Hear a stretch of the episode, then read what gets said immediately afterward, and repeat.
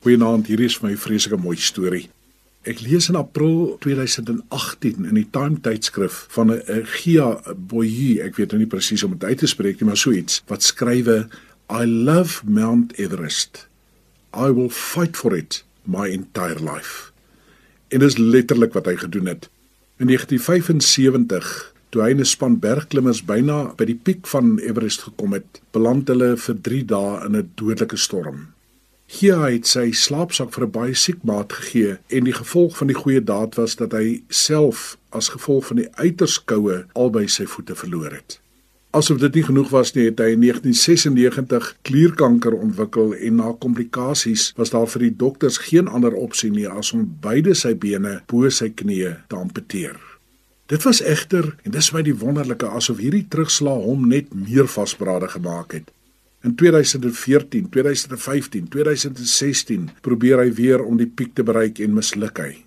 In 2017 verbied die regering hom en ander gestremdes om weer te probeer en hy moes 'n regstryd voer om die verbod opgehef te kry. En nou die wonderlike, uiteindelik het hy in Mei 2018 die piek bereik. Dit het hom byna 40 jaar geneem. Op 69 jarige ouderdom kry hy dit reg. Ons het baie keer in ons lewe ook 'n Everest wat voorlê. Dit kan in verhoudings, ons finansies, ons gesondheid of ons beroep wees.